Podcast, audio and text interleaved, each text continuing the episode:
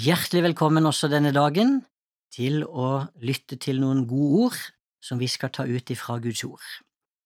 I dag så har jeg satt som overskrift for andakten Han som dekker over våre feiltrinn, og vi skal lese sammen et vers som står i Ordspråkene 17 og vers 9. Og når Bibelen er åpen, taler Gud, og når Gud taler, så skjer det noe. Den som dekker over et feiltrinn, legger vind på vennskap. Den som bringer det videre, skiller venn fra venn.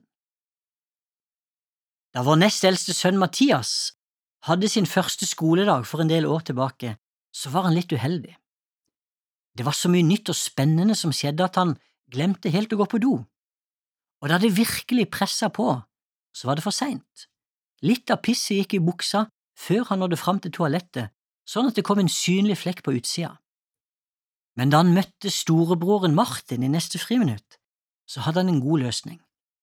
Han hjalp Mathias med å binde genseren rundt livet, og på den måten så kunne ingen se pisseflekken. Og sånn gikk han resten av skoledagen helt til han kom hjem og fikk skifta. Ingen oppdaga det, og han slapp å få kommentarer som ville gjøre han flau. Dette er noe mer enn en rørende barnehistorie, sånn er Jesus.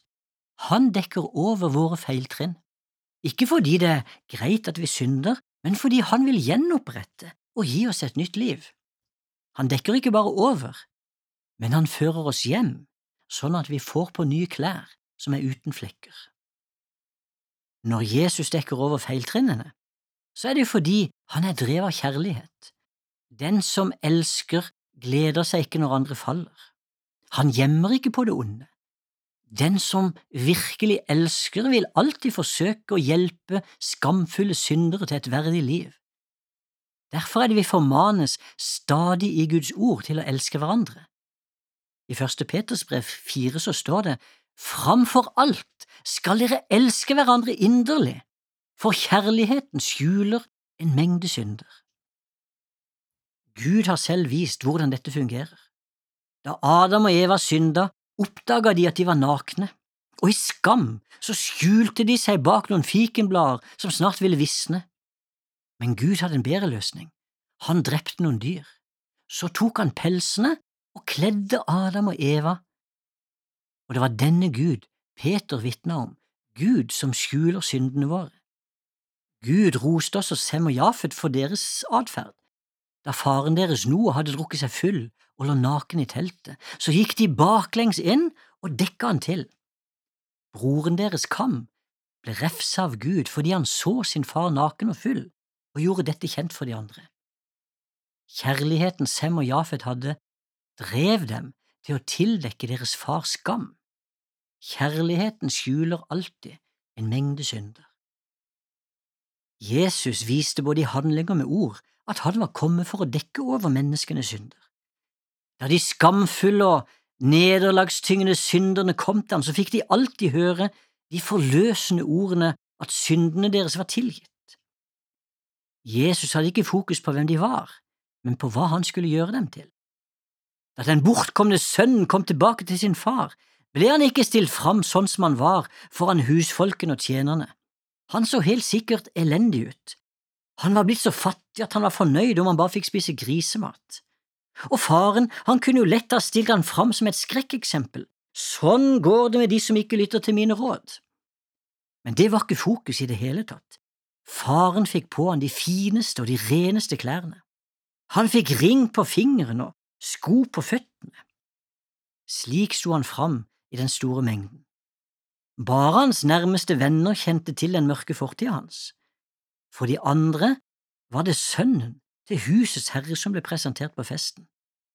Sånn er Jesus. Han gir oss nye klær som dekker over våre feiltrinn. Fokuset er ikke synden vi var i, men det nye livet han fører oss inn i. Når synden omtales i Bibelen, så er det jo for å fortelle oss at det finnes en mulighet for at den kan tas bort. Gud har jo ikke behag i noen synders død, men han vil at alle skal vende om og motta Jesu tilgivelse. Bare ved en anledning har Gud hatt behag i å se et menneske bli stilt fram til spott og spe på grunn av synden. Det var da hans egen elskede sønn ble hengt på korset. Alle som gikk forbi, de fikk se han henge der i sin elendighet. Mange forakta han. Da var det ingen som dekka over den nakne kroppen. Det var heller ingen som kom med noen trøstende ord om tilgivelse. Tilgivelsen kunne ikke gis akkurat da, for oppgjørsdagen var kommet. Gud lot all sin vrede og straff ramme ham, for at vi skulle gå fri og ha fred. Og dette er håpet til alle oss som hører på dette i dag. Det er mulig å komme til Jesus og bli vaska ren. Det er mulig å komme til Jesus uansett hva slags synd du har gjort, uansett hva du har rota deg bort i.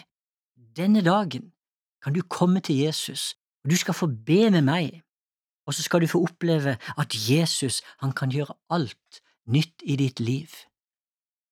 Jesus, jeg takker deg for at du var villig til å bli stilt fram til spott og spe, og jeg må få takke deg òg, far, for at akkurat i det øyeblikket Jesus hang på korset, så kunne ikke du dekke han til, men du lot verdens synd og skyld og skam ramme din egen sønn.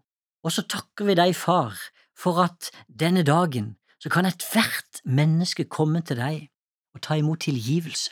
Og derfor ber vi Jesus om at du skal røre ved dem som ber denne bønnen nå. Jesus Kristus, tilgi meg min synd.